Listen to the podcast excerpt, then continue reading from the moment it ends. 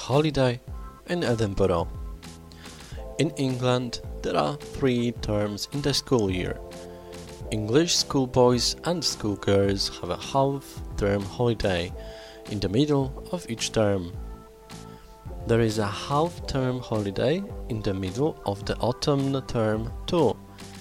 It is one week in October.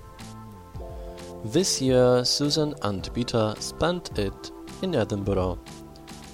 They stayed with their cousins Mark and Brenda Brown.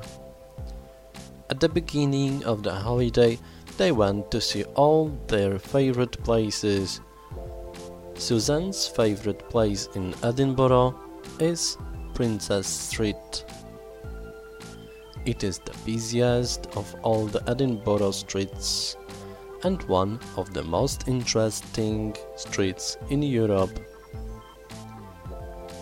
On one side of Princes Street there are houses with all kinds of smart shops.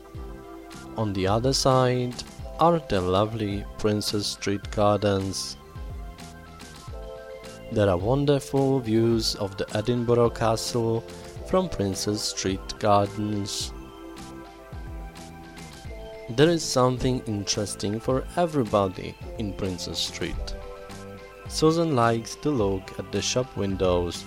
Peter always climbed to the top of the huge Walter Scott monument to see the view from there.